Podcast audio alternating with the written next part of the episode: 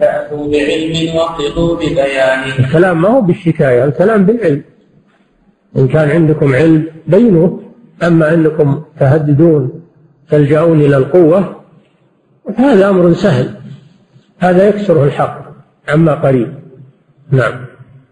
ما يشتكي إلا الذي هو عاجز شوف ما يشتكي يعني ما يلجأ إلى القوة إلا العاجز عن الحجة. نعم. ما يشتكي إلا الذي هو عاجز فاشكوا لمعذركم إلى القرآن. ثم اسمعوا ماذا يقول إن كان تشكون اشكوا إلى القرآن. تعالوا للقرآن. شوف أين الذي على الحق. أما أنكم تشكون إلى مخلوق لا يعرف الحقيقة. وتغررون به تغررون به تخدعونه. هذه ما هي بطريقة علم. ولا طريقة مناظرة. نعم. ما يشتكيه إلا الذي هو عاجز فاشكوا لنعذركم إلى القرآن. ثم اسمعوا ماذا الذي يقضي لكم. وعليكم فالحق بالقرآن. يقول تعالوا إلى القرآن. نتحاكم وإياكم إلى القرآن. ولا تطلبون إلى السلطان. نعم. لبستم معنى النصوص وقولنا. فغدا لكم للحق في الفرقان نعم لبستم. لبستم معنى النصوص وقولنا فغدا لكم للحق في الفرقان من حرف النص الصحيح فكيف لا يأتي بتحريف على الإنسان؟ يقول أنتم ما هو تحريفكم علينا فقط وكذبكم علينا فقط؟ بل أنتم لبستم النصوص القرآنية والأحاديث النبوية. تطاول شركم حتى بلغ النصوص. تناولتموها بالتحريف والتلبيس. ليس شركم مقصورا علينا تكذبون علينا وتشكوننا. نعم. يا قوم والله العظيم يا قوم والله العظيم أتأتم بأئمة الإسلام ظن الثاني ما ذنبهم ونبيهم قد قال ما قالوا فذلك منزل الفرقان. ما ذنب أهل العلم والسلف إذا قالوا قال الله وقال رسوله؟ ماذا تقابلون أنتم؟ قال الفيلسوف فلان وقال المتكلم فلان ما عندكم غير هذا. والمنطق العقلي والأقيسة العقلية ما عندكم غير هالحجج هذه. تقابلون بها النص الوارد في القرآن والوارد في السنة. نعم. ما الذنب إلا للنصوص لديكم إذ جسمت بل شبه الصنفان حتى قال بعضهم القرآن ليس فيه إلا الشرك. قال بعضهم هذا. ليه؟ لأنه يثبت الصفات وإثبات الصفات عندهم شرك. حتى قال الرازي حتى قال الرازي في تفسيره عن محمد بن خزيمة وكتابه كتاب التوحيد يقول لابن خزيمة كتاب اسمه كتاب التوحيد وهو في الحقيقة كتاب الشرك. لماذا؟ لأنه يثبت الصفات وإثبات الصفات عندهم شرك. صرحوا بهذا. بعضهم قال ما في القرآن إلا الشرك. نعم. فقوم هذا مبلغ علمهم ومبلغ ضلالهم يعدون من العلماء ويعدون من خصوم أئمة الإسلام الذين مصدرهم الكتاب والسنة. نعم. ما الذنب إلا للنصوص لديكم؟ إذ جسمت بل شبه الصنفان ما ذنب من قال ما ذنب ما ما ذنب من قد قال ما نطقت به من غير تحريف ولا عقبان الذي قال بما قالت به النصوص من غير تحريف ولا تأويل ما ما ذنبه؟ هذا متبع للوحي. فكيف تعيبونه إن كان عندكم عيب فعيبوا منزل الوحي وهو الله سبحانه وتعالى وعيبوا الرسول المبلغ للوحي. أما هؤلاء متبعون للوحي. إن كان عندكم عيب فلا تعيبوا هؤلاء عيبوا الأصل الذي هم عليه. نعم. هذا كما قال الخبيث لصحبه كلب الروافض أخبث الحيوان لما أفاضوا في حديث الرفض عند القبر لا تخشون من إنسان هذول الروافض اجتمعوا عند القبر النبوي ومعهم شيخهم. وقال لهم لا تسبون أهل السنة وتثلبونه شوفوا صاحب القبر هذا هو اللي هو أصل البلاء. لأنهم يأخذون بكلامه. يأخذون بكلامه ويخاصمونكم. إنسان عندكم حجة ولا شوفوا صاحب القبر هذا. هو أصل البلاء وهو إمامه مقايده نعم. هذا كما قال الخبيث لصاحبه بل الروافض أخبث الحيوان. الروافض أخبث الحيوان لأنهم والعياذ بالله على مذهب خبيث يسبون القرآن والسنة والصحابة ويكفرون المسلمين. نعم. لما أفاضوا في حديث الرافع. ولهذا يقول يقول القحطاني في نونيته إن الروافض شر من وطئ الحصى من الخليقة من جن ومن إنسان. نعم. لما أفاضوا في حديث الرافع عند القبر لا تخشون من إنسان. يا قوم أهل بلائكم ومصابكم من صاحب القبر الذي تريان يقول بلاك أصل بلاكم وأصل ما أصابكم هو من صاحب هذا القبر. لأن هؤلاء يتبعون كلامه. وأنتم لا تقدرون على رد كلام الرسول صلى الله عليه وسلم. فالذي أصابكم هو صاحب القبر هذا. نعم. يا قوم أصل بلائكم ومصابكم من صاحب القبر الذي تريان كم قدم ابن أبي قحافة الغداء من من بلية صاحب هذا القبر لكم إنه قدم أبا بكر الصديق وهم يبغضون أبا بكر ويلعنونه.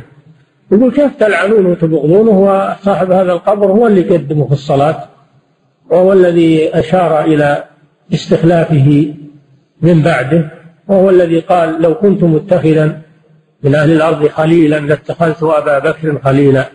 أنتم لا تذمون أبا بكر لا تقولون صنم قريش لكن شوفوا صاحب القبر هو اللي يقدموه هو اللي خلاه مقدم على على الصحابة. نعم. كذلك لا تسبون عمر ولا تسبون عثمان لا تسبون الصحابة لأن اللي قدمهم والذي يعني فضلهم هو صاحب هذا القبر. نعم. كم قدم ابن أبي قحافة بالغداء يثنى عليه ثناء يثني يثني كم قدم ابن أبي قحافة بالغداء يثني عليه ثناء في شكران يقول آمنكم علي بماله وأبو بكر. نعم. ويقول في مرض الوفاء يؤمكم عني أبو بكر بلا روضان لما قال مروا أبا بكر فليصلي بالناس. فراجعته عائشة رضي الله عنها وقالت إنه لا يستطيع أن يقوم مقامك لأنه إذا قام مقامك سيبكي ولا يسمعه الناس. فقال مروا أبا بكر فليصلي بالناس. وكررها صلى الله عليه وسلم. نعم. ويقول في مرض الوفاء يؤمكم عني أبو بكر بلا روغان نعم. ويظل يمنع من إمامة غيره حتى يرى في صورة الغضبان حتى غضب على عائشة رضي الله عنها. وقال إن كن صويحبات يوسف مروا أبا بكر فليصلي بالناس. وهذا إشارة إلى استخلافه من بعد. نعم. ويقول لو كنت الخليل لواحد في الناس كان هو الخليل الثاني. لو كنت متخذا من أهل الأرض خليلا اتخذت أبا بكر خليلا. نعم. هذا الذي قاله الرسول صلى الله عليه وسلم. فيه فكيف أنتم يا معشر الروافض تسبون أبا بكر؟ نعم. لكنه الأخ والرفيق وصاحبي وله علينا منة الإحسان.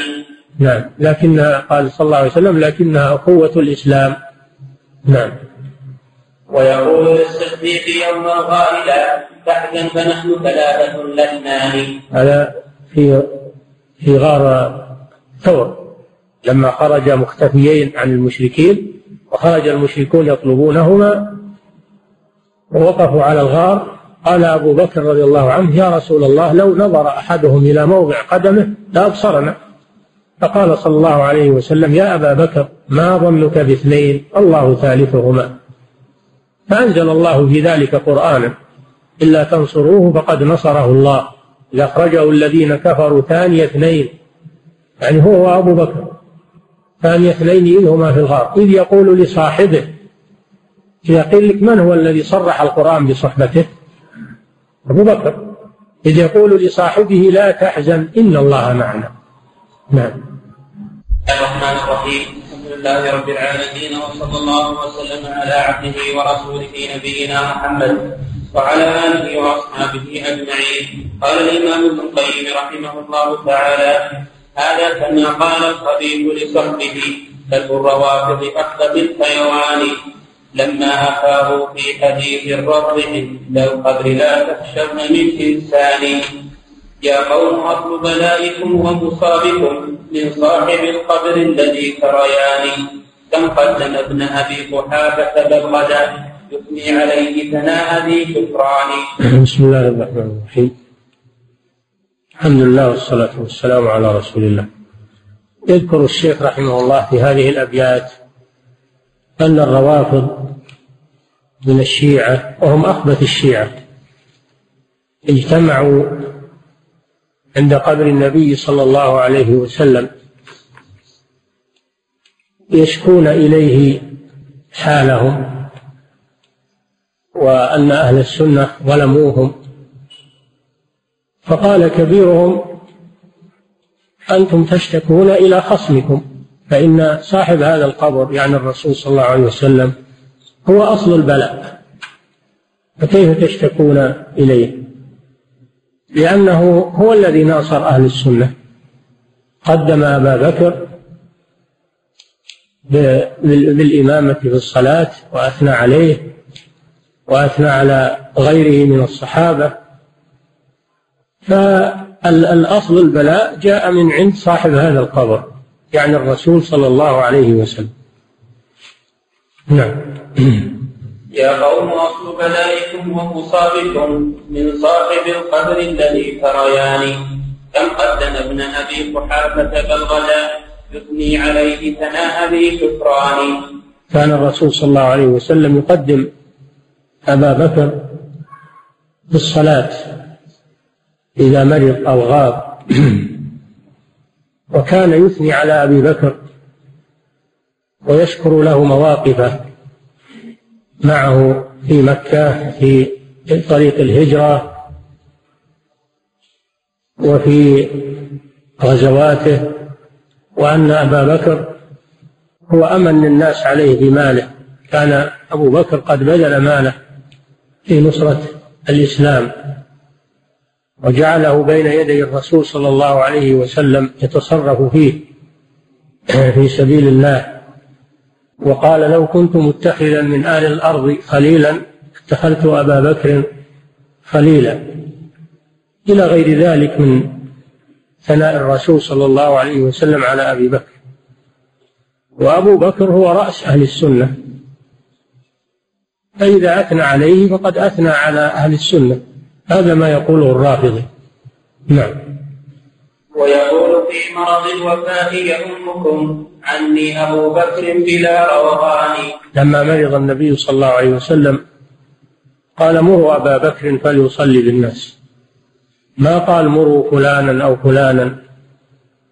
مع فضل الصحابة كلهم رضي الله عنهم. لكن أفضلهم على الإطلاق أبو بكر. فلذلك قدمه النبي صلى الله عليه وسلم لأنه لا يقدم إلا الأفضل. نعم. ويظل يمنع من إمامة غيره حتى يرى في صورة الغربان. لما راجعوه في أن يؤم الناس عمر لأنه أقوى على الإمامة من أبي بكر لأن أبا بكر رجل بكاء. إذا قرأ القرآن يبكي. وإذا وقف موقف الرسول صلى الله عليه وسلم يبكي يتذكر الرسول صلى الله عليه وسلم فأشاروا أن يقدم عمر لأنه أقوى وأصبر فغضب النبي صلى الله عليه وسلم. وقال مروا أبا بكر فليصلي بالناس. نعم. ويقول لو كنت الخليل لواحد إلا كان هو الخليل الثاني. لو أنه جاز للرسول أن يتخذ خليلا من أهل الأرض لاتخذ أبا بكر. ولكن الرسول لا يجوز له أن يتخذ خليلا لأن الله قد اتخذه خليلا. والخليل لا يتخذ خليلين أبدا لا يكون له إلا خليل واحد وهو الله سبحانه وتعالى. وليس للرسول صلى الله عليه وسلم خليل من صحابته وإنما هم أحبابه حبهم وصرح بحبهم. أما القلة فإنها لا تقبل الاشتراك. أما قول الصحابة خليل رسول رسول الله كما يقول أبو هريرة وكما يقول غيره فهذا لا يدخل في النهي. يجوز أن أن يقول خليلي رسول الله لكن لا يجوز للرسول أن يقول خليلي فلان لأن الله اتخذه خليلا. ولهذا يقول صلى الله عليه وسلم لو كنت متخذا قبل أن يموت بثلاث يقول لو كنت متخذا من أهل الأرض خليلا لاتخذت أبا بكر خليلا. ولكن صاحبكم يعني نفسه صلى الله عليه وسلم خليل الله. نعم. طبعا. يعني الحديث يقول قال الخليل صلى الله عليه وسلم بدل قال الرسول صلى الله عليه وسلم هل في هذا بأس؟ ما في بأس لكن صار لفظ الخليل إذا أطلق ينصرف لإبراهيم عليه السلام. لو قال آه، خليل الله محمد صلى الله عليه وسلم يزول اللبس. نعم. نعم. ويقول لو كنت الخليل لواحد في الناس كان هو الخليل الثاني لكنه الأخ والرفيق وصاحبي وله علينا منة الإحسان. فيقول هو أخوة في الإسلام ولكن أخوة في الإسلام. نعم. ويقول للصديق يوم الغار تحزن فنحن ثلاثة لبنان نحن ثلاثة الثالث هو الله سبحانه وتعالى. ما ظنك باثنين؟ الله ثالثهما. بمعنى أنه معهما بإعانته وتوفيقه ورعايته سبحانه. وليس معناه أنه حال معهما في الغار. تعالى الله عن ذلك. لأنه فوق سماواته عال على عرشه. لا يحل في شيء من خلقه أبدا. هو أعظم سبحانه وتعالى من جميع الخلق. ولكن ما ظنك باثنين؟ الله ثالثهما. يفسره قوله تعالى لا تحزن إن الله معنا. فمعنى ثالثهما يعني أن الله معهم بنصره وتأييده. كما قال تعالى ما يكون من نجوى ثلاثة إلا ورابعهم ولا خمسة إلا وسادسهم ولا أدنى من ذلك ولا أكثر إلا هو معهم. أينما كانوا المراد المعية معية الاطلاع والتوفيق. والحفظ والكلاءة إلى الله سبحانه وتعالى. نعم. ويقول للصديق يوما قائلا تحزن فنحن ثلاثة لاثنان الله ثالثنا وتلك فضيلة ما حازها إلا فتى عثمان ما حاز هذه الفضيلة؟ إلا أبو بكر الصديق. فتى عثمان يعني عبد الله بن عثمان لأن اسمه رضي الله عنه عبد الله بن عثمان. فعثمان أبوه ما حاز هذه الفضيلة وهي أنه كان مع النبي صلى الله عليه وسلم في الغار. والله جل وعلا إذ يقول لصاحبه إذ هما في الغار فوصف أبا بكر بأنه صاحب صاحب الرسول صلى الله عليه وسلم. فإذا قيل لك من هو الذي صرح بصحبته في القرآن فقل أبو بكر. نعم. قول ما لم النواصب بعد ذلك. يقول يقول الرافضي ما ذنب النواصب وهم أهل السنة؟ يسمونهم نواصب. لماذا نواصب؟ لأنهم يقولون ناصبوا أهل البيت العداوة بزعمهم مع أن أهل السنة هم الذين يحبون أهل البيت على الحقيقة ويقدرونهم ويحفظون فيهم وصية رسول الله صلى الله عليه وسلم بقولها الله الله في أهل بيتي. فأهل السنة ليسوا نواصب بمعنى أنهم يعادون أهل البيت بل إنهم يحبون أهل البيت لقرابتهم من رسول الله صلى الله عليه وسلم ولوصية النبي صلى الله عليه وسلم بهم. ولهذا يقول صلى الله عليه وسلم لعمه العباس رضي الله عنه والذي نفسي بيده لا يؤمن حتى يحبوكم لله ولقرابتي. نعم. يا قوم ما ذنب النواصب بعد ذا؟ لم يدركم إلا كبير الشان. يقول ما أهل السنة ذنب؟ وإنما الذنب هو ذنب كبير الشأن يعني الرسول صلى الله عليه وسلم حيث إنه أثنى عليهم ومدحهم وأثنى على إمامهم أبي بكر الصديق. نعم. فتفرقت تلك الروافض كلهم قد أغدقت أسنانه الشفتان كلهم ندموا لما سمعوا كلام هذا الخبيث. أصابهم الندم والحسرة وصمتوا ولم يتكلموا من شدة الحسرة. نعم. وكذلك الجهمي ذاك رضيعهم. فهما رضيعا كفرهم بلبان. الجهمية أيضا رضعوا من مذهب الرافضة الخبث. رضعوا من مذهب الرافضة الخبث والكفر والإلحاد. فهما شبيهان الجهمية والروافض في الخبث. نعم. وكذلك الجهمي ذاك رضيعهم. فهما رضيعا كفرهم بلبان ثوبان قد نسجا على المنوال يا عريان لا تلبسم الثوبان. والله شر منهما فهما على أهل الضلالة والفقر علمان. ما على وجه الأرض أخبث من الرافضة والجهمية. لتشابههما في الكفر والإلحاد والعياذ بالله. فهما ثوبان منسوجان من الكفر والإلحاد. يحذر من لبسهما. يحذر من لبس هذين الثوبين. ثوب الرفض وثوب الجهمية. نعم. فصل. هذا مسامع فيها إخباره سبحانه في محكم القرآن. الدليل السابع عشر في إثبات علو الله فوق سماواته. إخبار الله سبحانه وتعالى في القرآن. نعم. هذا وسامع عهدها إخباره سبحانه في محكم القرآن عن عبده موسى الكريم وحربه فرعون للتكذيب والطغيان. الدليل السابع عشر قصة موسى مع فرعون حيث إن فرعون لما أراد أن يكذب موسى أمام الناس قال لهامان ابن لي صرحا والصرح معناه البناء المرتفع. لعلي أبلغ الأسباب أسباب السماوات فأطلع إلى إله موسى وإني لأظنه كاذبا فهذا يدل على أن موسى عليه السلام أخبر فرعون أن ربه في السماء. ولهذا قال أطلع إلى إله موسى لأن موسى أخبره أن إلهه في السماء. وإني لأظنه يعني موسى كاذبا في ذلك ليس في السماء رب.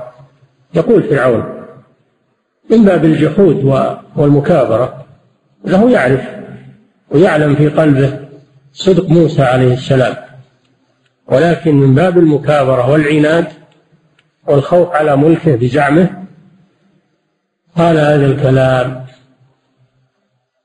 وهل هامان الضعيف سيبني بناء يصل إلى السماء ويرجع عليه فرعون ويطلع على الملكوت الأعلى. لكن هذا هو الإنسان والعياذ بالله. إذا فسد فإن له فإنه ليس لفساده نهاية ولا حد والمكابرة ليس لها نهاية. وإلا العقلاء وهذا مما فضحه الله به. العقلاء حتى الكفار يدركون يدركون سذاجة هذا الرأي. ما هو ممكن بنا صرح يصل إلى الملكوت الأعلى ويرجع عليه ويطلع على الرب سبحانه وتعالى. فتش عنه. لكن الكفر يبلغ بصاحبه إلى حد فظيع. تضحك منه العقلاء. الشاهد من من هذا أن أن فيها دليلا على أن موسى أخبر فرعون أن ربه في السماء فهذا من أدلة العلو. هم قلبوها. هم الجهمية وأضرابهم قلبوا هذا وقالوا لا. هذا دليل على أن إثبات العلو من عقيدة فرعون. وأنتم تابعين لفرعون يقولون أهل السنة. أنتم تابعون لفرعون. هو الذي ظن أن رب أن الله في السماء.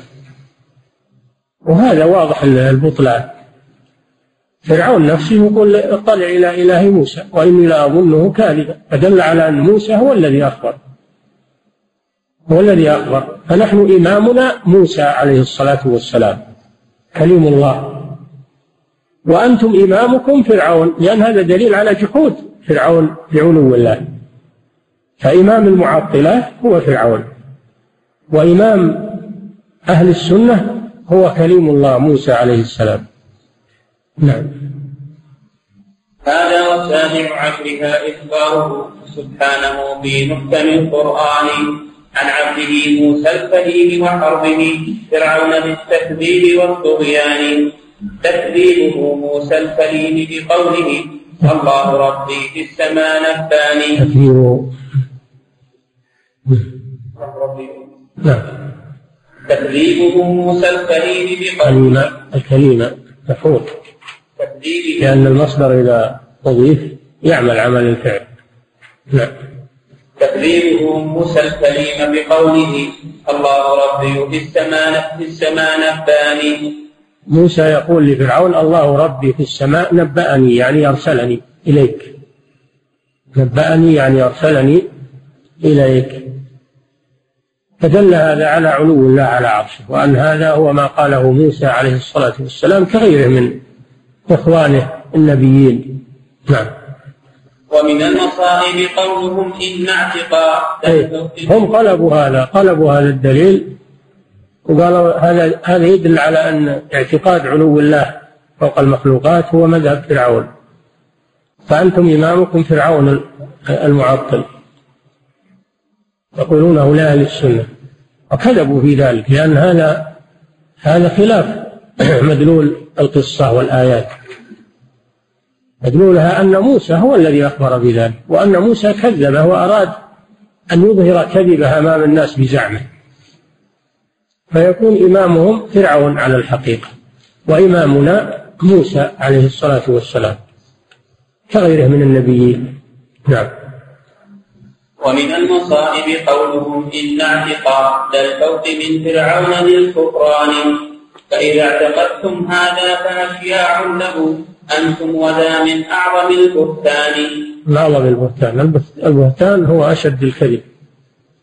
يعني قلب هذه القصة على هذا المنوال هذا بهتان كذب. يخالف النص. لأن فرعون يقول أطلع إلى إله موسى. يعني ولا هو ما هو بإله له كافر به ثم قال وإني لا أظنه كاذبا. كاذبا في أي شيء؟ لأن إله موسى في السماء. نعم. فاسمع إذا من الذي أولى بفرعون المعطل جاهد الرحمن. نعم. وانظر إلى ما جاء في القصص التي تحكي مقال إمامهم ببيان نعم. فاسمع إلى من الذي أولى بفرعون. المعطل جاهد جاهد الرحمن وانظر إلى ما جاء في القصص التي قصص قصص. فانظر إلى ما جاء في القصص التي تحكي مقال إمامهم ببيان. والله قد جعل الضلالة قدوة لأئمة تدعو إلى النيران. الله جل وعلا أخبر أن فرعون وملأه وأئمة يدعون إلى النار. في آخر هذه القصة لما قال يا يا, يا أيها الملأ ما علمت لكم من إله غيري؟ فأوقد لي يا هامان على الطين اجعل لي صرحا لعلي أطلع إلى إله موسى وإني لأظنه من الكاذبين. واستكبر هو وجنوده بغير الحق وظنوا أنهم إلينا لا يرجعون. فأخذناه وجنوده فنبذناهم في اليم. فانظر كيف كان عاقبة الظالمين. وجعلناهم أئمة يدعون إلى النار. فصار فرعون إماما للجهمية يدعوهم إلى النار لأنهم اتبعوا في إنكار العلو. اتبعوا في إنكار العلو. وإنكار العلو يلزم منه إنكار الرب سبحانه وتعالى. تعطيل الرب سبحانه وتعالى. نعم. فهم أشبه بفرعون. وهم وهم جند فرعون وشيعته هو الذي دعاهم إلى النار. أما المسلمون فإمامهم موسى عليه السلام دعاهم إلى الجنة وإخوانه من النبيين. نعم. والله قد جعل الضلالة قدوة بأئمة تدعو إلى النيران. فإمام كل معطل في نفيه فرعون مع نمرود مع هامان فرعون معروف نمرود. هذا ملك بابل الذي الذي حاج إبراهيم في ربه. أن آتاه الله الملك. هذا هو النمرود ملك بابل. إذ قال إبراهيم ربي الذي يحيي ويميت قال أنا أحيي وأميت. ومعنى ذلك أنه يأتي برجلين قد استحق القتل فيقتل واحد ويترك الثاني فتركه لمن استحق القتل هذا إحياء بزعمه. وقتله للآخر هذا إماتة قال أنا أحيي وأميت.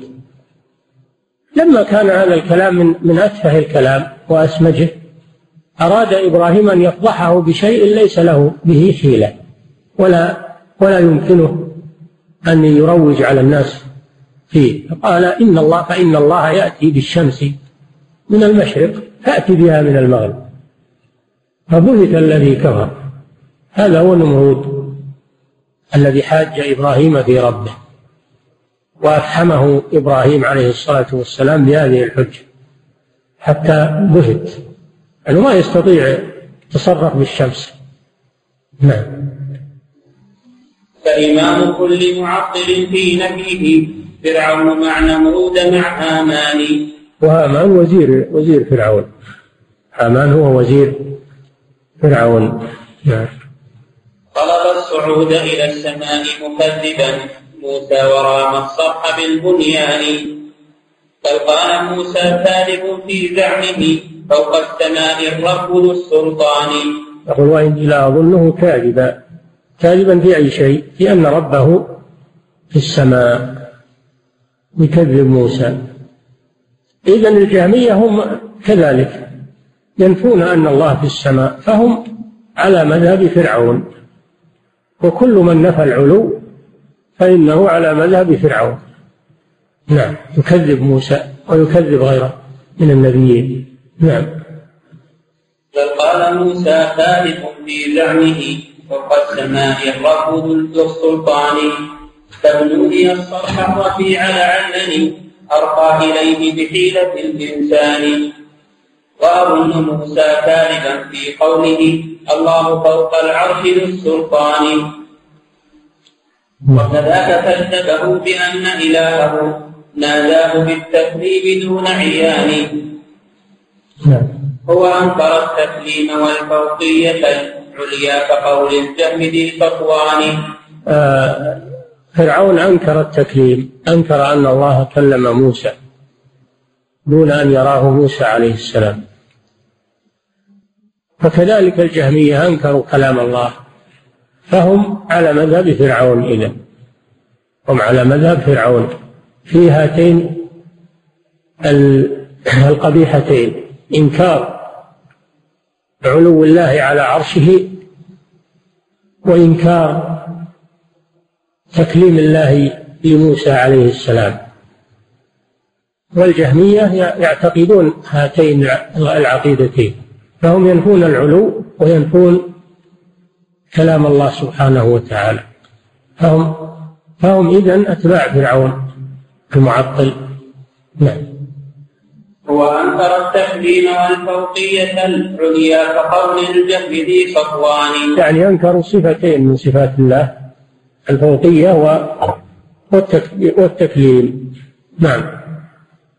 من الذي الذي أولى بفرعون إذا منا ومنكم بعد ذا التبيان. من الذي أولى بفرعون؟ أنتم تقولون أنتم أتباع فرعون ونحن شرحنا وبينا من هو الحقيقي بتبعية فرعون. فتبين أنهم هم أتباع فرعون. لأنهم أنكروا العلو وأنكروا الكلام وفرعون كذلك. نعم. يا قومنا والله إن لقولنا ألف تدل عليه بل ألفان إن إن لقولنا في إثبات العلو لله سبحانه وتعالى ألف دليل. ألف دليل من الوحي ومن الفطرة ومن أدلة كثيرة تدل على علو الله على عرشه. قالوا إنها بلغت ألف دليل أو ألفي ألفي دليل. نعم. يا قومنا والله إن لقولنا ألف تدل عليه بل ألفان. عقلا ونقلا مع صريح الفطرة الأولى وذوق حلاوة الإيمان. الدليل العقلي والدليل النقلي ودليل الفطرة كلها تدل على علو الله على عرشه. هذا مجملها وتفاصيلها تبلغ إلى ألف دليل أو ألفي دليل. تفاصيل. لكن مجملها العقل والنقل والفطرة. نعم. كل يدل بأنه سبحانه فوق السماء مباين الأكوان. مباين الأكوان. يعني ليس في ذاته شيء من مخلوقاته ولا في مخلوقاته شيء من ذاته. تعالى الله عن ذلك. هذا معنى المباينة. نعم. هذا نفي للحلول ونفي للاتحاد. المباينة أرادوا بها نفي الحلول ونفي الاتحاد. الله عن قول الله على العرش بدون يعني لفظ استوى هل يجوز هذا؟ ليش ما يكمل؟ العرش استوى استوى على العرش. نعم. نعم. ترون أنا تاركوا ذا كله لجعاجع التعطيل والهذيان أترون يا معشر المعطلة أننا نترك ألف دليل على علو الله على عرشه من أجل جعاجع الهذيان الذي تقولونه. لأن ما معهم دليل ولا دليل واحد صحيح. إلا جعاجع وكذب وهذيان. ليس معهم دليل لا من العقل ولا من النقل ولا من الفطرة. نعم.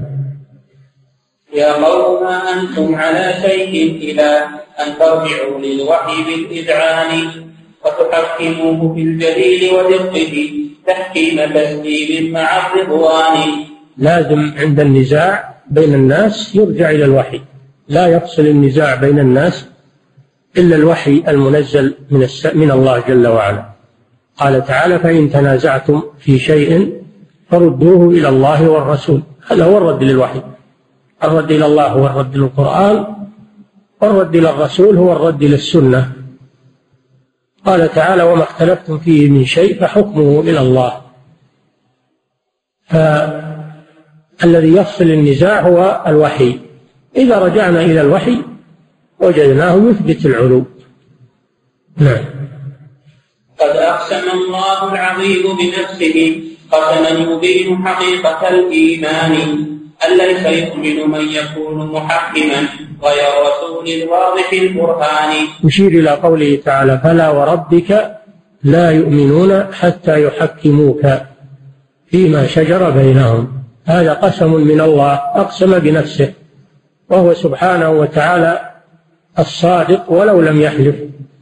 لكن هذا لأهمية هذا الأمر. أنهم لا يؤمنون حتى يحكموا رسول الله صلى الله عليه وسلم.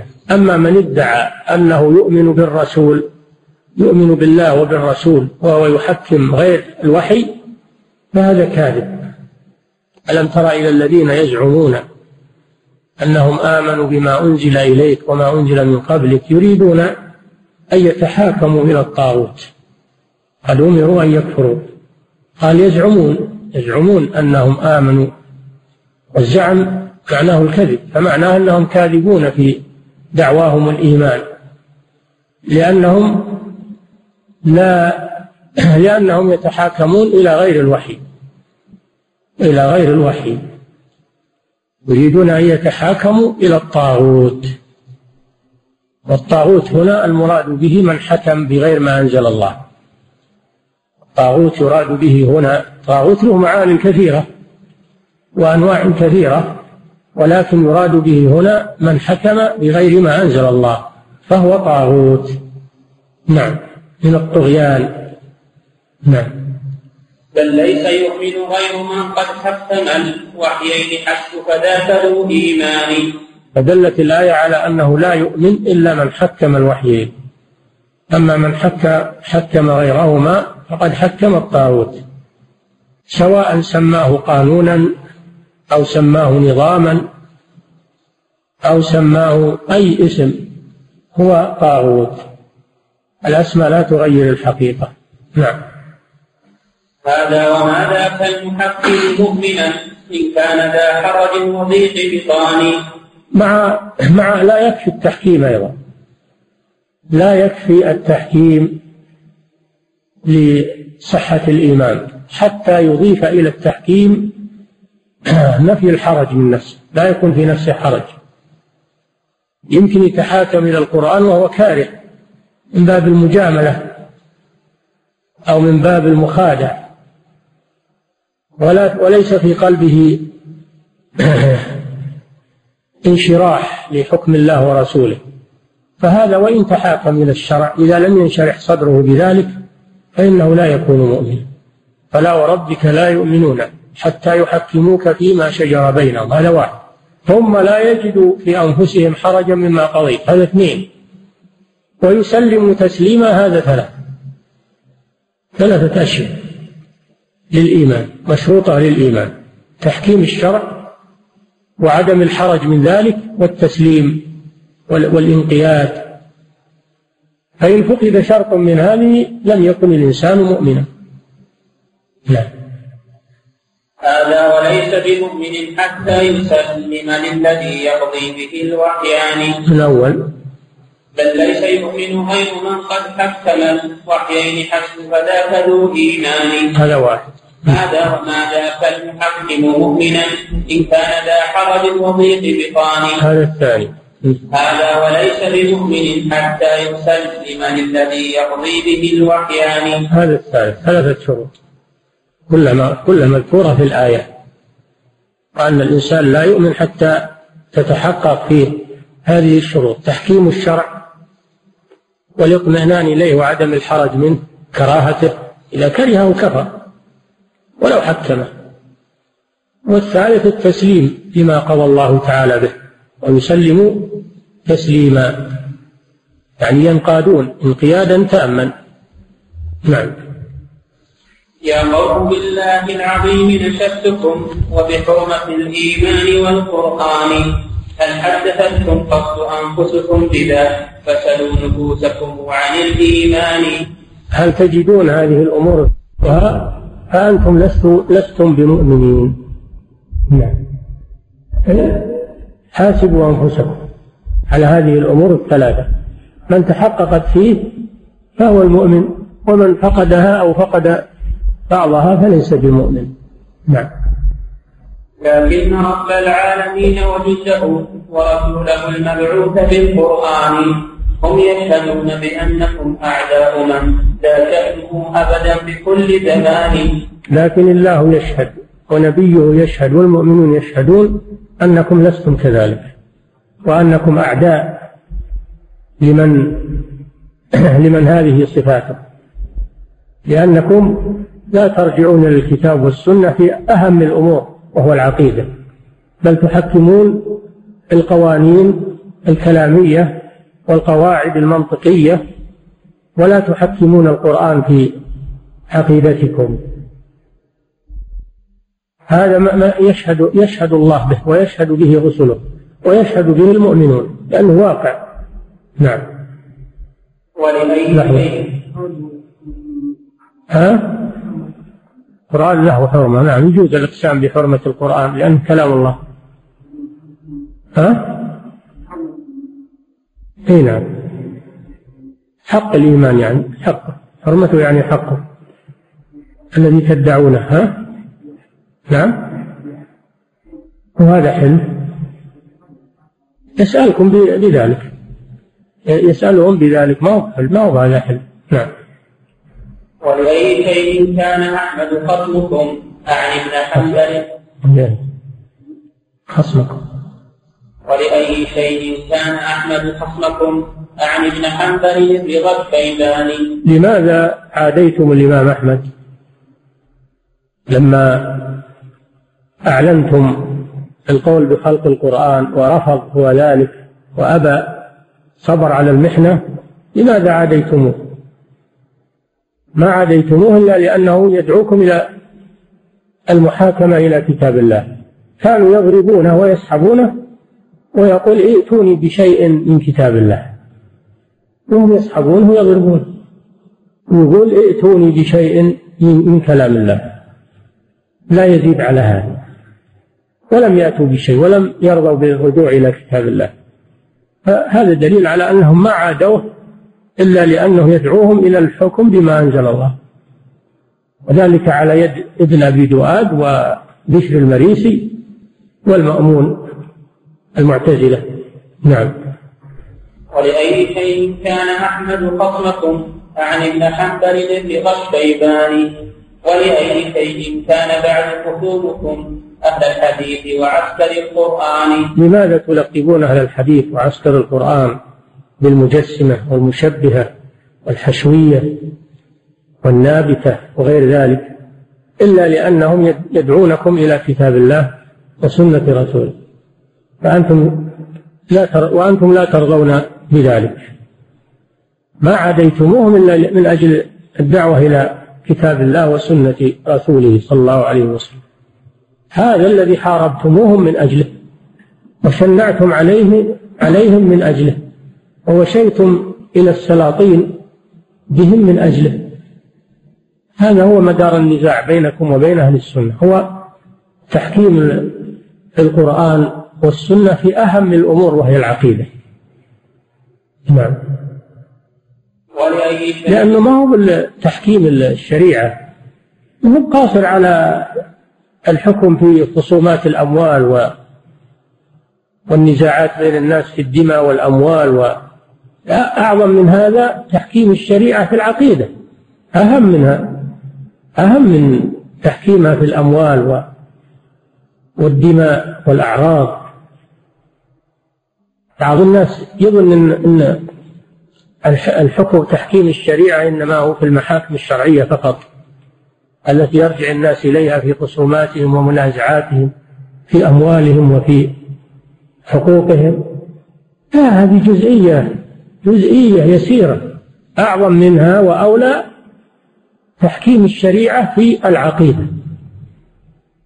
لكن هذه ما ما يدعو إليها إلا أهل السنة. أما بقية الفرق والطوائف فإنها تعرض عن تحكيم الشريعة في العقائد. إلى عصرنا هذا الآن. يقولون لا تعرضون للتوحيد ولا للعقائد. ادعوا الناس إلى تحكيم الشريعة في المحاكم الشرعية بس. هذا ما يكفي. ولا يدخل في الإيمان. لو أننا حكمنا بالشريعة في المحاكم الشرعية ما يكفي ولا يدخل في الإيمان. ما دمنا لا نحكمها في العقيدة التي هي أهم من خصومات الناس ومنازعات الناس في أموالهم وحقوقهم. يجب التنبه لمثل هذا. ولهذا تجد كثيرا من هؤلاء الفرق والطوائف والجماعات تجدهم جهمية ومعتزلة وشيعة وهم يقولون حكموا الشريعة. طيب خلونا نحكمها في الأصل أول شيء. لو حكمناها ما صرتم أنتم على على الإسلام أكثر. وأنتم تدعون إلى تحكيم الشريعة. لو حكمناها حقيقة لخرجتم من الإسلام. أو خرج أكثر إما جهمية وإما قبورية يعبدون القبور وإما صوفية منحرفة وإما شيعة. أكثر أكثر الجماعات الآن مكونة من هذه الطبقات. ويتنطرون حكم الشريعة. طيب وين حكم الشريعة بجزئية ونخلي الأصل. هذا يجب يتنبه له الآن؟ نعم. ولأي شيء كان أيضا خصمكم شيخ الوجود العالم الحراني. أيضا كما عاديتم الإمام أحمد رحمه الله لأنه دعاكم إلى تحكيم الشريعة في الأصول والعقائد ما هو بس في حقوق الناس. عاديتموه عند ذلك. أيضا عاديتم من بعده العالم الحراني من هو؟ شيخ الإسلام بن تيمية لما دعاكم إلى الرجوع إلى كتاب الله وسنة رسوله في العقيدة والإيمان وأصول الدين. لما دعاكم إلى هذا ضللتموه أو, أو كفرتموه. وما ذنبه إلا أنه مثل سلفه من السلف الصالح. يدعوكم إلى تحكيم كتاب الله وسنة رسوله في أصول الدين وفي آه، فروعه. عاديتموه من أجل ذلك. فكيف تدعون أنكم على الإسلام وأنكم تدعون إلى كتاب الله وأنتم ضد هذه الأمور. نعم. الأمور ما هي بدعاوى الأمور حقيقة. نعم. أعني أبا العباس ناصرا. أعد أعد ولأي شيء كان أيضا خصمكم. ولأي شيء كان أيضا خصمكم. شيخ الوجود العالم الحراني شيخ الوجود يعني في وقته رحمه الله. هو أعلم أهل زمانه ومن جاء بعده. يدل على هذا غزارة علمه ومؤلفاته. تدل على غزارة علمه رحمه الله وأنه فاق فاق أقرانه في وقته. في العلم والتحقيق والإدراك. وكذلك من باب أولى من جاء بعده. ما جاء أحد يساويه أو يقاربه رحمه الله. وذلك فضل الله يؤتيه من يشاء. نعم. فلأي شيء عاديتم هذا الحظر؟ إلا لأنه دعاكم إلى تحكيم الشريعة في أصول الدين التي هي الأساس. نعم. ولأي شيء كان أيضا خصمكم شيخ الوجود العالم الحراني. شيخ. اسم كان نعم. ولأي شيء كان أيضا خصمكم شيخ الوجود العالم الحراني. نسبة إلى حران أنه ولد في حران شمال الشام. نعم. أعني أبا العباس ناصر المختار قامع سنة الشيطان. قامع ناصر المختار يعني ناصر سنة أحمد وقامع سنة الشيطان التي هي الشرك والإلحاد والكفر والبدعة. فقد قام بمقاومة هذه الأمور حتى أظهر الله على يده الحق. وأوذي في هذا وسجن حتى إنه في آخر الأمر سجن ومنع منه المداد والقرطاس منعوه منه لئلا يكتب وهو في السجن. وانتهى به الأمر إلى أن توفاه الله في السجن. مات وهو مسجون. لكن ما أدركوا شيء من من منع علمه وتحقيقه. والحمد لله. ظهر للناس. كان رحمه الله ما يترك الكتابة والعلم في السجن. كان يكتب. حتى لما رأوا ذلك منعوا منه الحبر ومنعوا منه القرطاس فصار يكتب بالفحم على الجدران رحمه الله. يكتب بالفحم على جدران السجن. كله من حرصه على بيان الحق وإظهاره. نعم. والله لم يكن ذنبه شيئا سوى تجريده لحقيقة الإيمان. نعم إذ جرد التوحيد عن شرك فلا تجريده للوحي عن بهتان. هذا شيء معلوم ما هو بدعوة. هذا شيء معلوم ظاهر من كتبه الآن التي أصبحت ولله الحمد منارة يهتدى بها. نعم. وأما خصومه فماتوا وماتت أخبارهم وماتت كتبهم. عليها الغبار الآن. ما ما لها قيمة ولا سوق. لأن ما فيها خير. نعم. فتجرد المقصود عن قصد له فلذاك لم ينظر إلى إنسان. نعم. إذ جرد التوحيد عن شرك فلا تجريده للوحي عن بهتان فتجرد المقصود عن قصد له فلذاك لم ينظر إلى إنسان. نعم. هو رحمه الله هو يدعو إلى كتاب الله وسنة رسوله لا يدعو إلى تقليد أحد لا لا ينضاف إلى إنسان معنى أنه يدعو إلى تقليد أحد من الناس غير الرسول صلى الله عليه وسلم لأن الرسول هو القدوة. وأما غيره فإنما يتبع إذا كان تابعا للرسول صلى الله عليه وسلم. من كان تابعا للرسول فإنه يقتدى به. أما من كان مخالفا للرسول فإنه لا يقتدى به. فالقدوة هو الرسول صلى الله عليه وسلم ومن تبعه من أهل العلم. هؤلاء هم القدوة. نعم أما التعصب للمذاهب والتعصب للأشخاص فهذا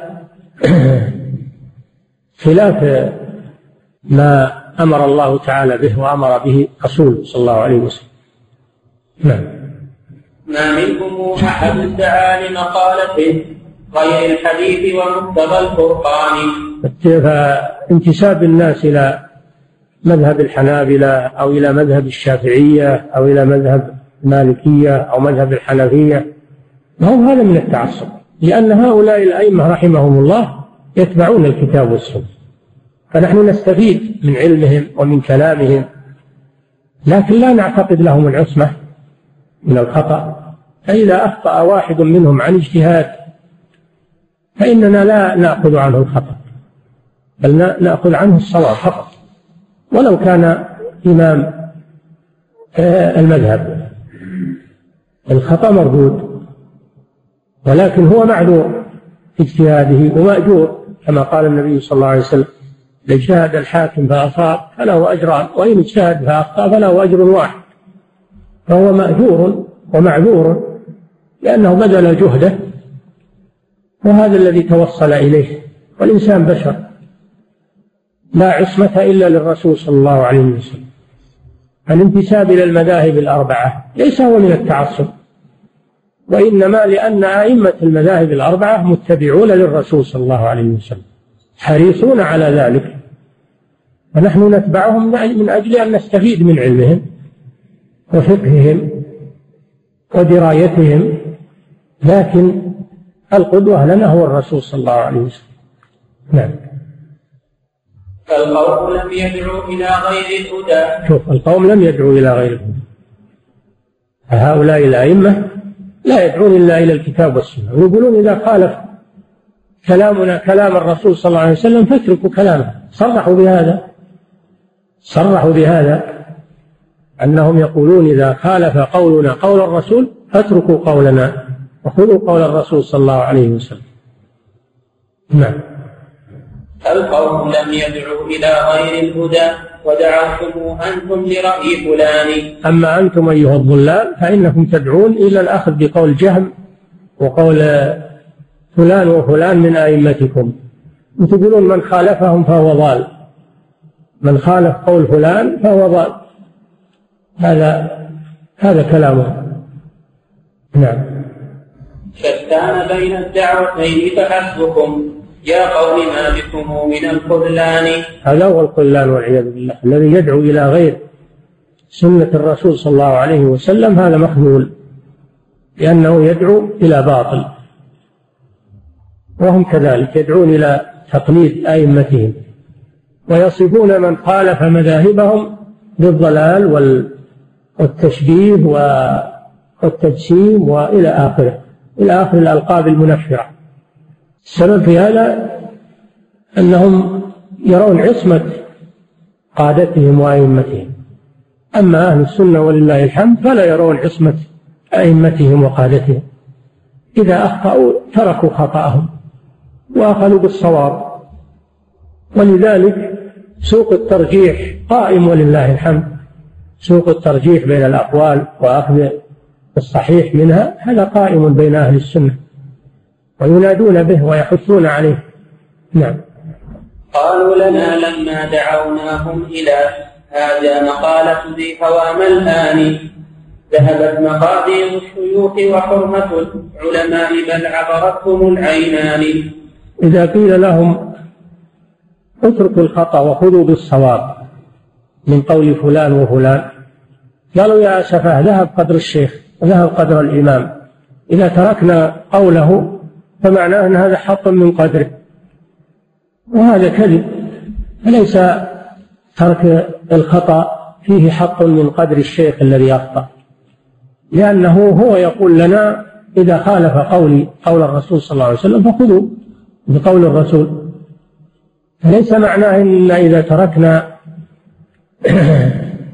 مسألة اجتهد فيها أحد الأئمة ولم يكن الدليل واضحا عليها ليس معنى هذا الحق من قدر هذا الإمام. لأن الحق أحب إلينا من كل أحد. ولهذا لما قيل لا لبعض السلف إن فلانا يقول كذا وكذا قال فلان حبيب إلينا ولكن الحق أحب إلينا منه. كلمة عظيمة. فلان حبيب إلينا ولكن الحق أحب إلينا منه. فليس معناه أن إذا تركنا قوله الذي نرى أنه خطأ أننا لا نحبه وأننا انتهكنا حرمته كما يقولون. هذا قول المتعصبين. بل والله إنهم يفرحون إذا تركنا قولهم وأخذنا بقول الرسول صلى الله عليه وسلم. يفرحون بهذا ويدعون إليه. هذا مذهب أبي حنيفة ومذهب مالك ومذهب الشافعي ومذهب أحمد ومذهب غيرهم من أئمة الإسلام يفرحون بترك الخطأ والأخذ بالصواب. ولو كان هذا الخطأ صادرا عن أحدهم. من غير قصد. نعم. وتركتم أقوالكم هدرا وما أصغت إليها منكم أذنان. نعم. ذهبت مقادير الشيوخ هذا كلامهم يقولون إذا تركتم أقوال هؤلاء الأئمة ذهب قدرهم. زعم هؤلاء. هذا غلط. هذا غلط كبير. هم ليسوا معصومين. وترك قوله إذا كان خطأ ليس حقا من قدره. فنحن نعظم الحق ولا نعظم الرجال. مع أنهم والحمد لله صوابهم كثير. صوابهم ولله الحمد كثير وأخطاؤهم قليلة. نعم. قالوا لنا لما دعوناهم إلى هذا مقالة ذي هوى ملآن في هوى في هوى ملآن لما دعوناهم إلى الأخذ بالكتاب والسنة وترك أقوال الشيوخ المخالفة قالوا مقالة ذي هوى ملآن يعني اغتاظوا من هذا الكلام. وقالوا هذا يحط من قدر الشيوخ ومن قدر الأئمة بزعمهم هذه تقال الآن من بعض المتعصب؟ حتى قال بعضهم إذا خالف آه، إذا خالف قول الإمام قول الرسول أخذنا بقول الإمام لأنه أدرى لأنه أدرى بمراد الرسول صلى الله عليه وسلم. هذا هذا من المبالغة ومن التعصب. نعم. ذهبت مقادير الشيوخ وحرمة العلماء بل عبرتهم العينان. وتركتم أقوالهم هدرا وما أصغت إليها منكم أذنان. لكن حفظنا نحن حرمتهم ولم نعد الذي قالوه قدر بنان هذا هذا هذه حجتهم. يقولون إحنا اللي نعظم الشيوخ ونقدرهم لأننا ناخذ أقوالهم ونعمل بها. حتى ولو كانت خطأ احتراما لهم تقديرا لهم. يقول بل والله أنتم الذين أهنتم الشيوخ. ولم تعرفوا قدرهم فليس معنى تعظيم الشيوخ أننا نأخذ بالخطأ من أقوالهم. هم لا يرضون بذلك وهم ينهون عن ذلك أشد النهي وعباراتهم مشهورة وموجودة. من ذلك قول الإمام الشافعي أجمع المسلمون لاحظوا أجمع المسلمون على أن من استبانت له سنة رسول الله صلى الله عليه وسلم لم يكن له ليدعها لقول أحد. هذه كلمة الإمام الشافعي. كلمة صريحة. أن المتبع هو سنة الرسول صلى الله عليه وسلم. أليس معنى تعظيمنا لهم محبتنا لهم وإجلالنا لهم؟ أننا لا نأخذ كل أقوالهم ولو أخطأت هذا ما هو تعظيم ولا إجلال. هذا غلو. هذا غلو ومبالغة والعياذ بالله. نعم.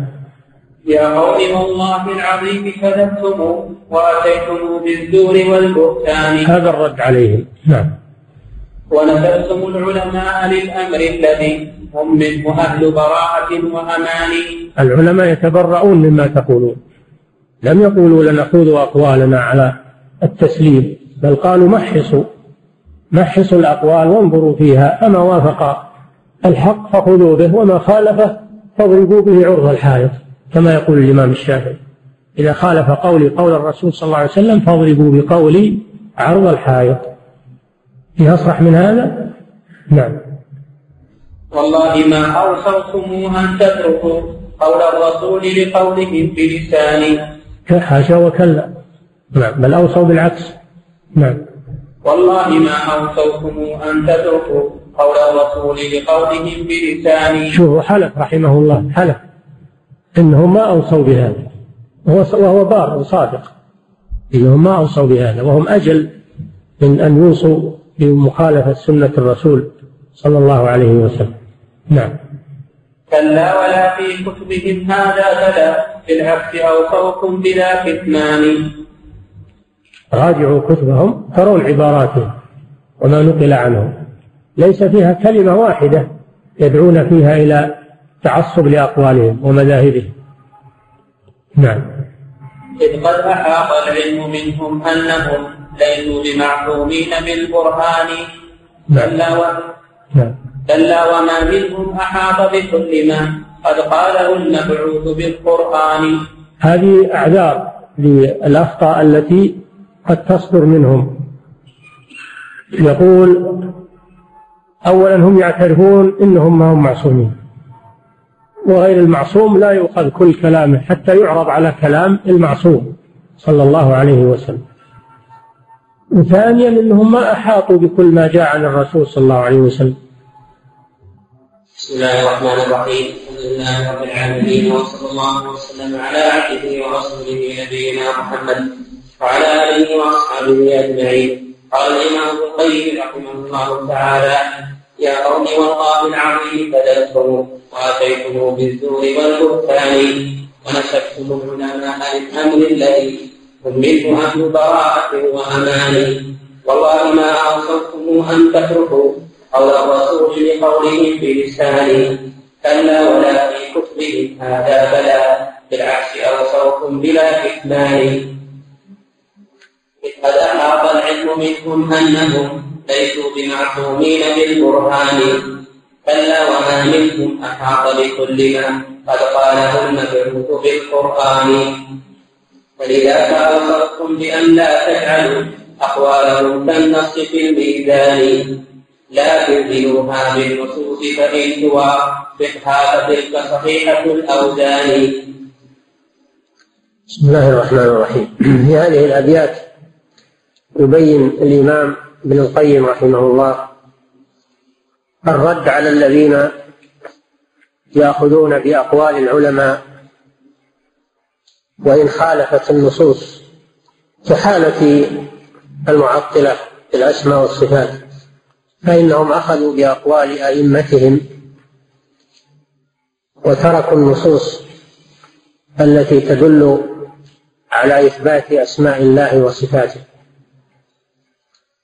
فهو يقول كذبتم على العلماء فإن العلماء لم يوصوكم بهذا أن تأخذوا أقوالهم وتتركوا الأدلة التي تخالفها بل أوصوكم بالعكس أنكم تعرضون أقوالهم على النصوص فإن وافقتها خلتم بها وإن خالفتها رددتم أقوال العلماء وأخذتم بالنصوص. وذلك لأن النصوص معصومة لأنها تنزيل رب العالمين لا تخطي أبدا. وأما أقوال العلماء فهي اجتهادية تخطئ وتصيب. فإن العلماء ليسوا معصومين بل أقوالهم واجتهاداتهم عرضة للخطأ والصواب. ولا يقبل منها إلا ما كان صوابا. وأما ما كان خطأ فإنه يرد ويترحم عليهم ولا ينقص ذلك من أقدارهم لأنهم بذلوا المجهود واجتهدوا ولكن أخطأوا الصواب. لا عن قصد منهم للمخالفة ولكن اجتهاداتهم أعمال بشرية تخطئ وتصيب. الواجب عرضها على كتاب الله وسنة رسوله والأخذ بما وافق الكتاب والسنة. هذا هو الحق. لا نقول إن أقوال العلماء ترفض كلها كما يدعو إلى ذلك بعض الجهال الآن ويقولون إن أخذ أقوال العلماء هذا تقليد والتقليد لا يجوز. فنقول لا هذا خطأ. أقوال العلماء لها اعتبارها ولها وزنها.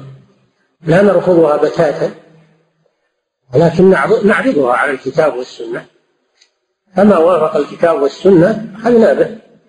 وهو فقه يؤتيه الله من يشاء فكلامهم يشرح النصوص ويبين مقاصدها. وفيه فائدة عظيمة وهو طريق إلى الوصول إلى الحق. ولسنا نقول يؤخذ بأقوالهم مطلقة كما يقوله المتعصبة بل هذا هو التقليد الأعمى. هذا هو التقليد الأعمى. تقليد الأعمى أن تؤخذ أقوال العلماء سواء وافقت النصوص أو لم توافق. هذا لا يجوز. وهذا على طرف نقيض من القول الأول والوسط. أن أقوال العلماء لا احترامها ولها اعتبارها وهم مثابون عليها ومأجورون. لكن تعرض على الكتاب والسنة لأن الكتاب والسنة هما الميزان لبيان الصواب من الخطأ. هذا هو القول الوسط بين الإفراط والتفريط في أقوال العلماء رحمهم الله. وإذا قدر أن أحدا منهم يخطي فله عذر كما بين ذلك شيخ الإسلام ابن تيمية في رسالة رفع الملام عن الأئمة الأعلام. ومجامع الأعذار لهم أولا أن لا يكون النص قد بلغهم لأنهم لم يحيطوا بكل النصوص. ما أحد يدعي أنه أحاط بكل ما جاء عن الرسول صلى الله عليه وسلم هذا من العلم والحفظ. ما أحد يدعي أنه أحاط بالنصوص. وربما يكون هناك نصوص لم تبلغهم وبلغت غيرهم. الأمر الثاني أن تكون هذه النصوص قد بلغتهم ولكن خالفوها لأنهم يرون أنها لم تثبت. يرون أنها لم تثبت.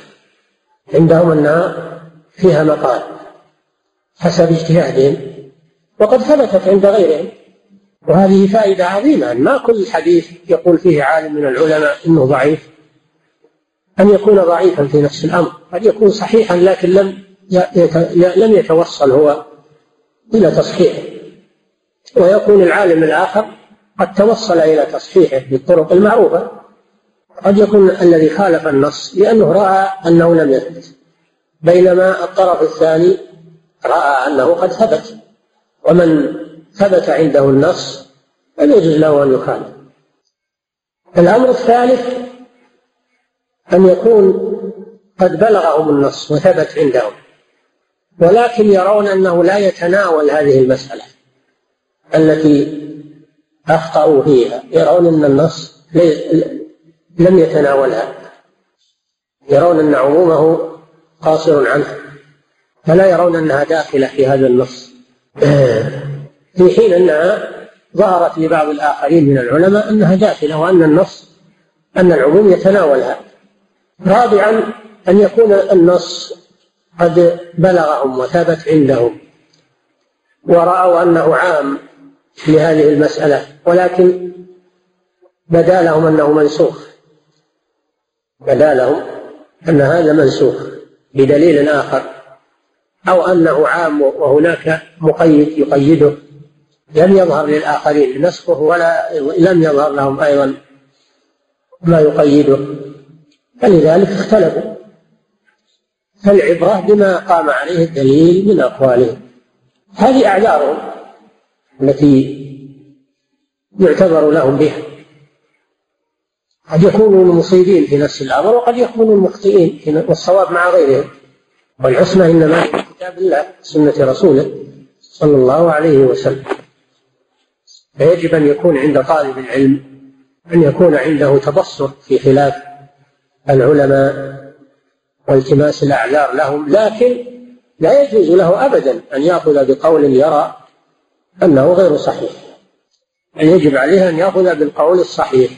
حتى وإن خالف قول إمامه الذي ينتسب إليه. الحق أحب إلى النفس من من كل شيء. نعم. فلذاك أبصرتم بألا تجعلوا أقوالهم كالنص في الميزان. نعم الأئمة أوصوا بهذا. وكلامهم موجود. يقولون إذا خالف قولنا قول رسول الله صلى الله عليه وسلم فخذوا بقول الرسول صلى الله عليه وسلم ودعوا قولنا. أوصى بذلك الأئمة كالإمام أبي حنيفة والإمام مالك والإمام الشافعي والإمام أحمد وغيرهم من الأئمة قبلهم وبعدهم. كلامهم موجود ومدون. كلهم يوصون بهذا ألا يؤخذ بأقوالهم إذا خالفت كتاب الله وسنة رسوله صلى الله عليه وسلم. وأن تطرح ويؤخذ بما دل عليه الدليل. نعم. فألزموها بالنصوص فإن توافقها فتلك صحيحة الأوزان هذا كلامهم رحمه الله. يقولون لا تأخذوا أقوالنا على التسليم ولكن زنوها بالكتاب والسنة.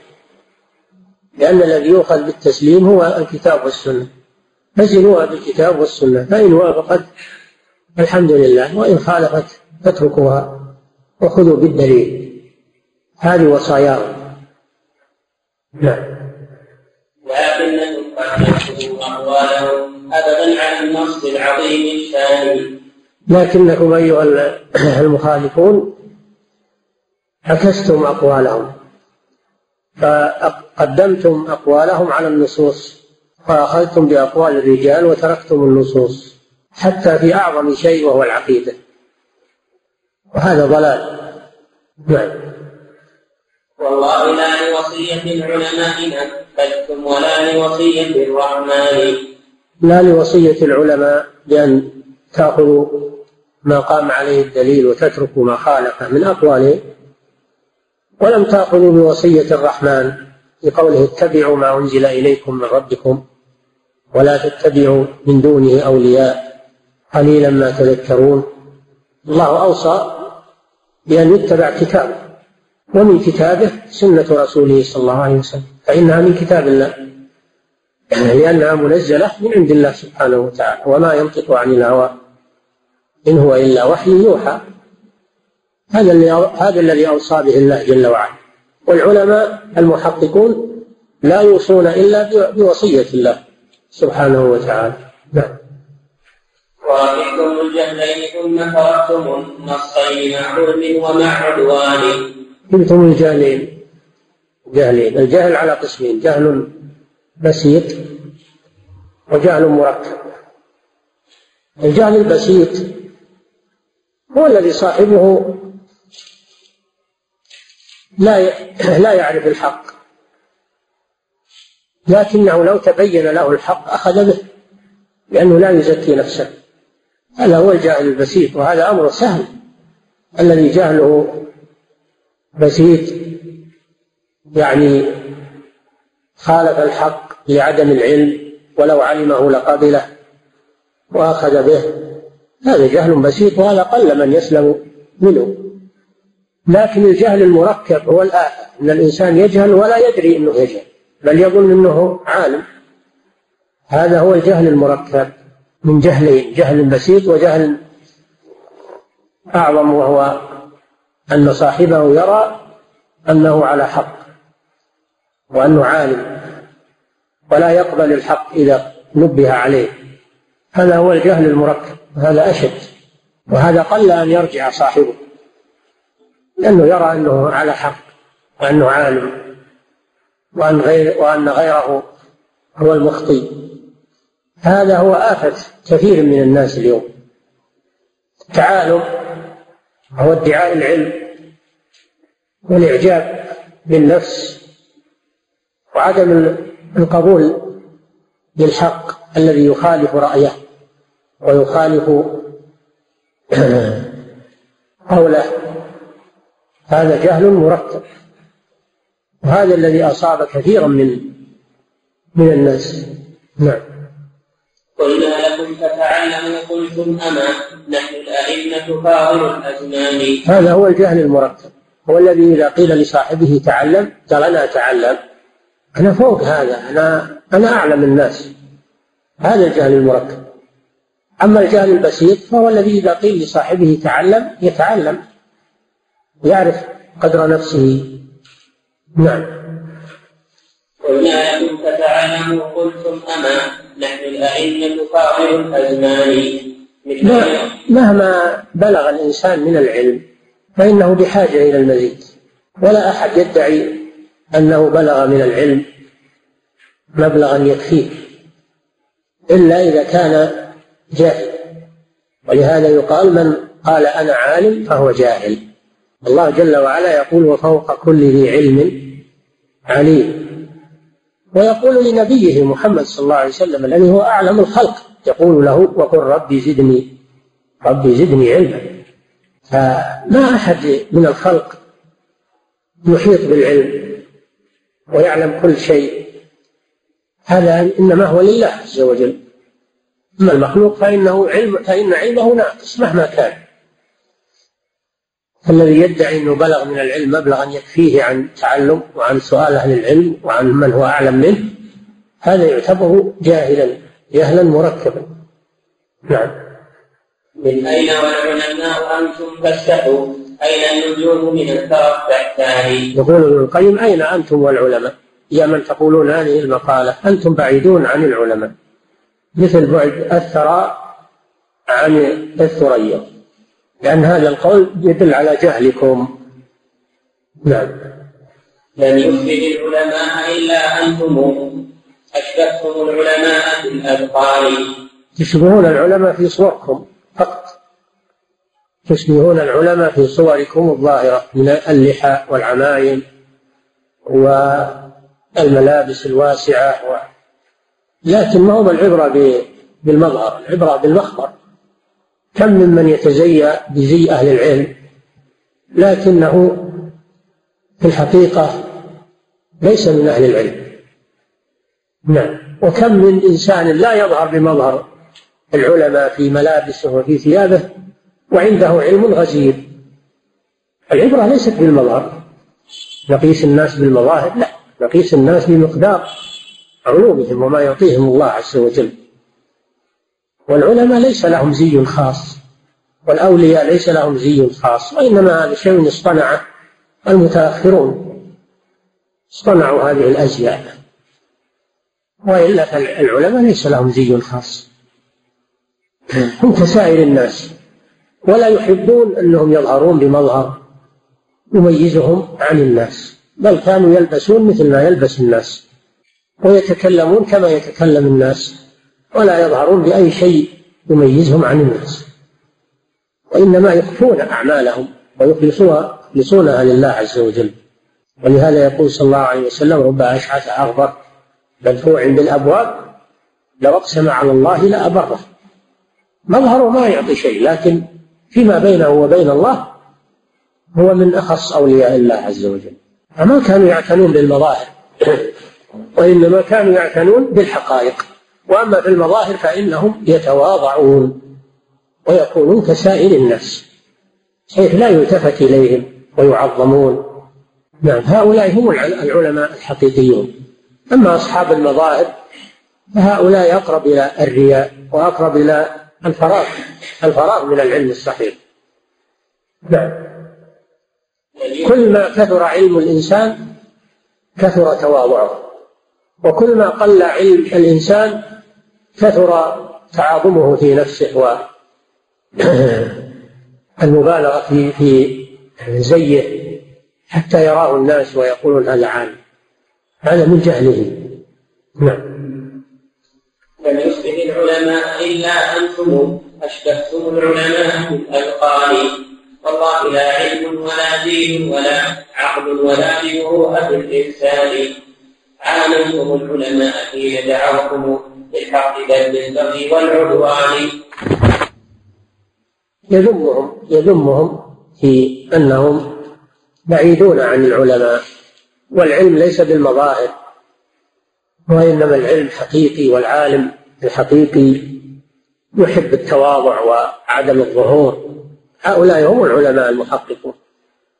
يحبون التواضع وعدم الظهور. نعم. إن أنتم إلا الذباب إذا رأى طعم الخيال مصابح الذبان أي نعم. أنتم همكم أنتم همكم تحصيل الدنيا. تتكالبون على الوظائف وعلى المناصب وعلى جمع الأموال. هذا همكم. أما العلماء فليسوا كذلك. لا يهتمون بالمناصب ولا بالوظائف. لكن إذا وكل إليهم عمل فيه نفع للمسلمين وقيام بالحق قبلوه لا من أجل الطمع وإنما من أجل الأجر. وإذا جاءهم شيء من الطمع بدون قصد وبدون طلب منهم أخذوه واستعانوا به على طاعة الله عز وجل. ليس معنى هذا أنهم يرفضون المناصب لكن معناها أنهم لا يقصدونها ولا يطلبونها وليست همهم.